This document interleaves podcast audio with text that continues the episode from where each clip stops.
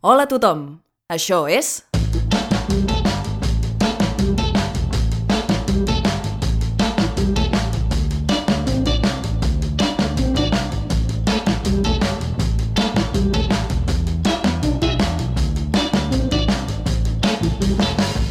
Verícid sulfúric.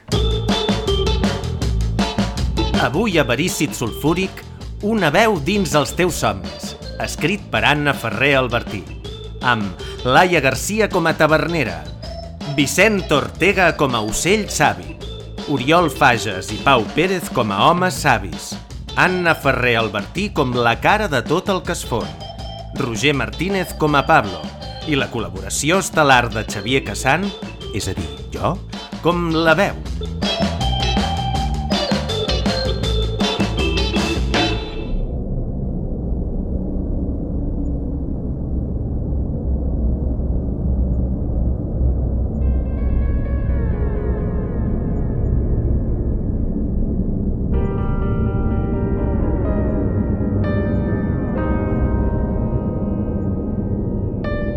Hola, criatura sulfúrica.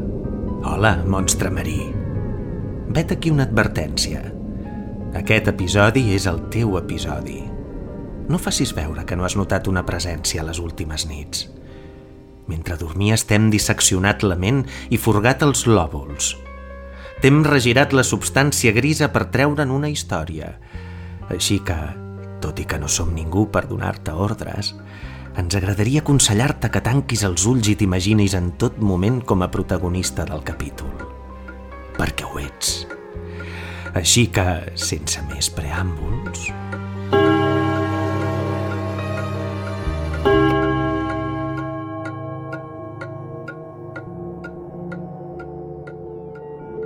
Te'n vas a dormir amb certa inquietud. Aquest vespre has recordat una endevinalla que mai vas poder resoldre i t'hi has tornat a submergir buscant una resposta. Què és l'inici d'una època, el final d'un període i un segon de cada temps?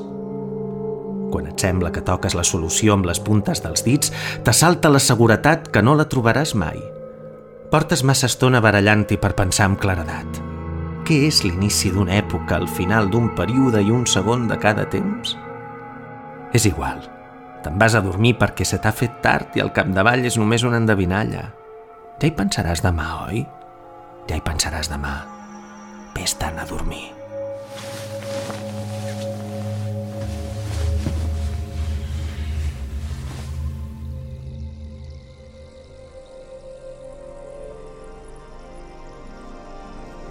Les extremitats se t'estoven i els globus oculars et fan piruetes a les conques.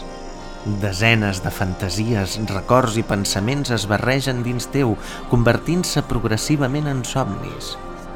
Això demà no ho recordaràs, és clar. Mai recordes com t'has adormit.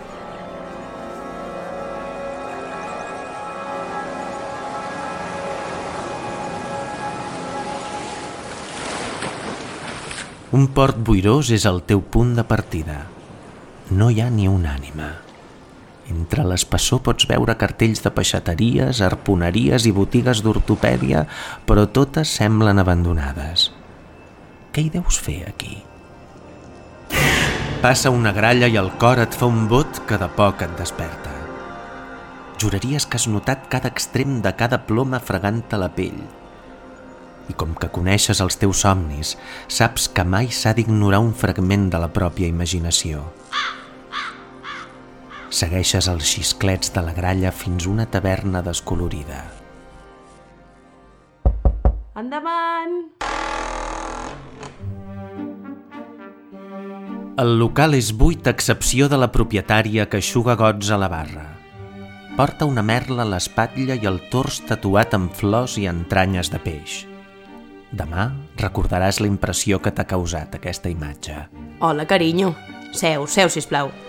No ve gaire gent de fora per aquí, saps? El port passa una mala època. època. Una llampegada et recorre el crani i t'adones de què li has de dir. Ja entens de què va el somni. I doncs, què posarem? L'inici d'una època, respons. La veritat és que només tinc tinta de sèpia i aigua de mar. Què és l'inici d'una època? Exactament, dius. És una endevinalla. A veure-la. Què és l'inici d'una època, el final d'un període i un segon de cada temps? Hmm.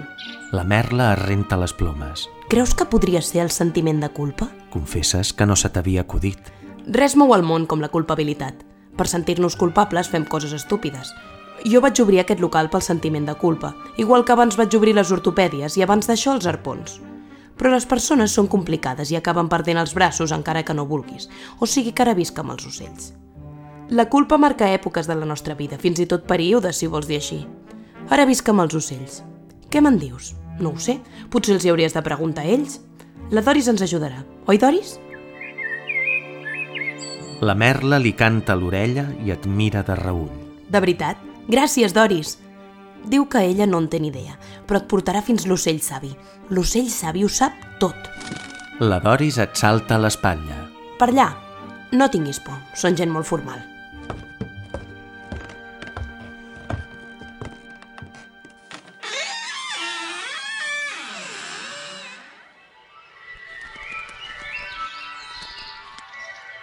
Entres en una sala plena de gàbies i ocells.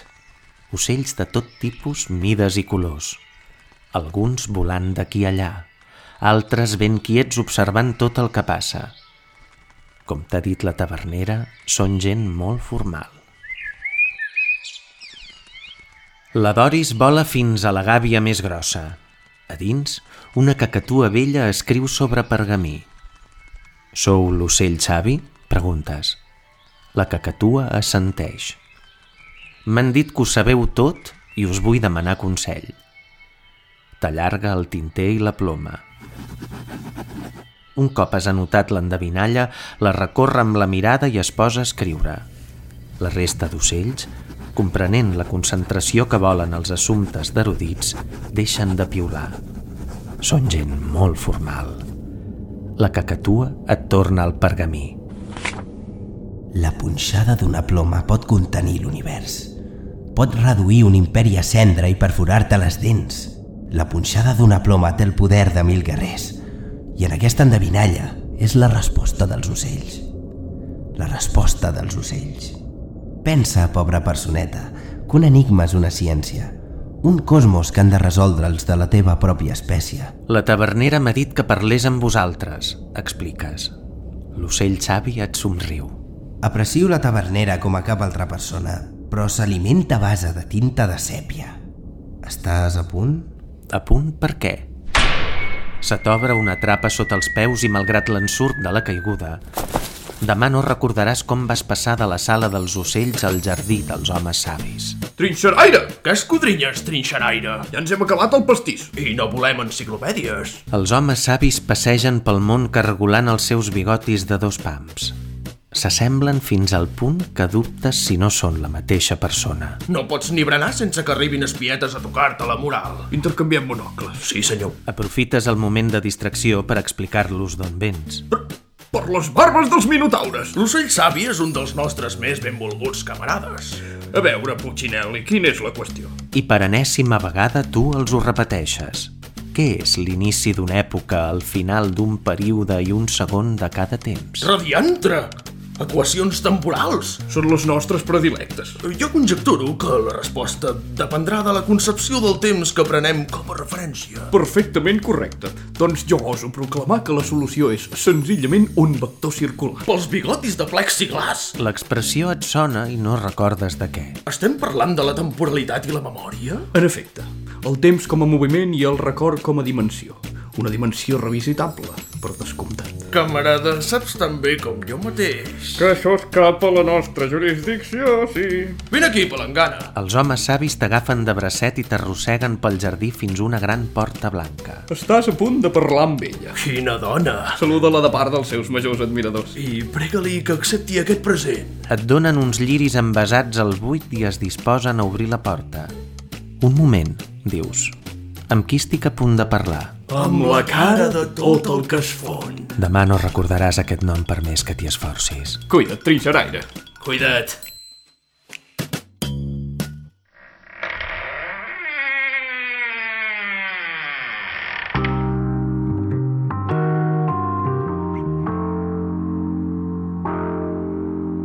Quan veus el Palau de Marbre saps que no et farà falta recordar-lo, ni demà ni mai, perquè ja el tenies incrustat a la ment. No saps com ho saps, però ho saps. Hola, trinxeraire. La cara de tot el que es fon t'espera dalt l'escalinata. És calva i vesteix un uniforme militar antic. M'han tornat a portar lliris?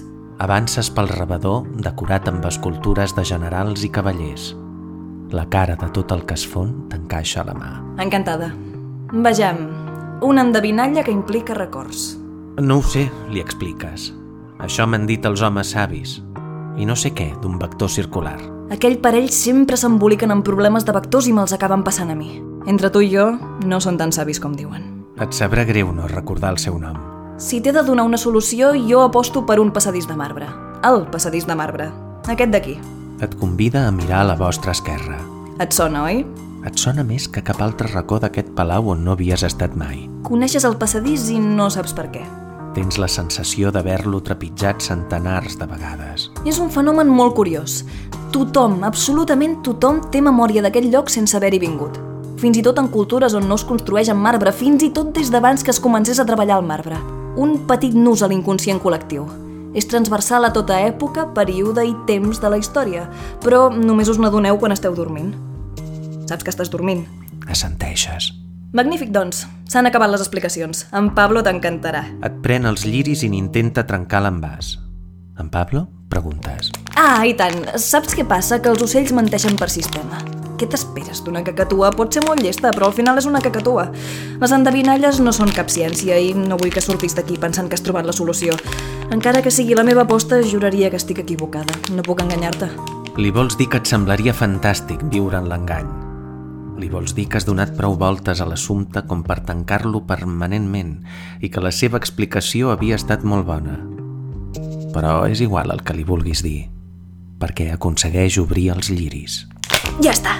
El terror se't dibuixa a la cara. Calma't. Només són records i marbre.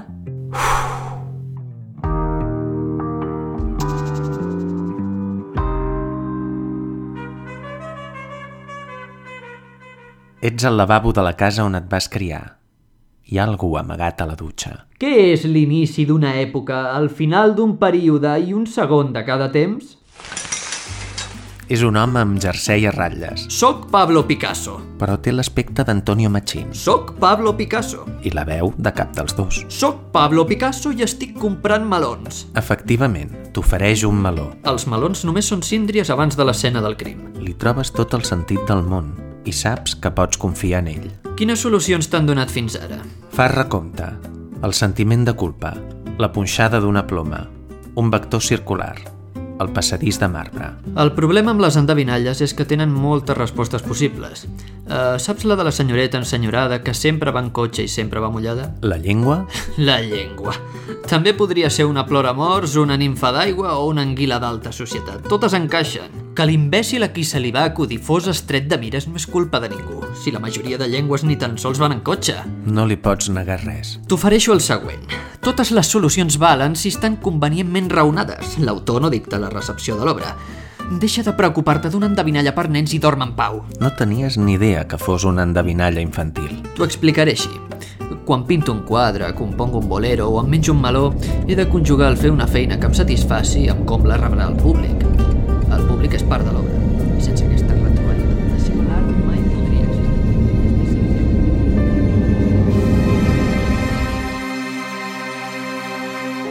Es comença a fer de dia. Les primeres escletxes de llum s'escolen per la finestra i se't posen sobre les parpelles. Notes com la consciència torna, com el somni s'escapa, com els sons exteriors es fan més nítids que la veu de Picasso Machín Meló. No trigaràs gaire a obrir els ulls. Mentrestant et donaré un consell. Les solucions acostumen a ser més simples del que t'esperes. Si te'n recordaràs demà o no ja ha deixat de ser cosa meva, perquè jo no existiré. Només puc proposar-te la resposta petita, avorrida, sense irreverència ni metafísica. Fins i tot ho has escrit i ni així ho has vist. La primera d'època, l'última de període i la segona de temps. Són totes la lletra E. La lletra E. Però no cal que em facis cas. Fet i fet, qui sóc jo? només una veu dins els teus somnis.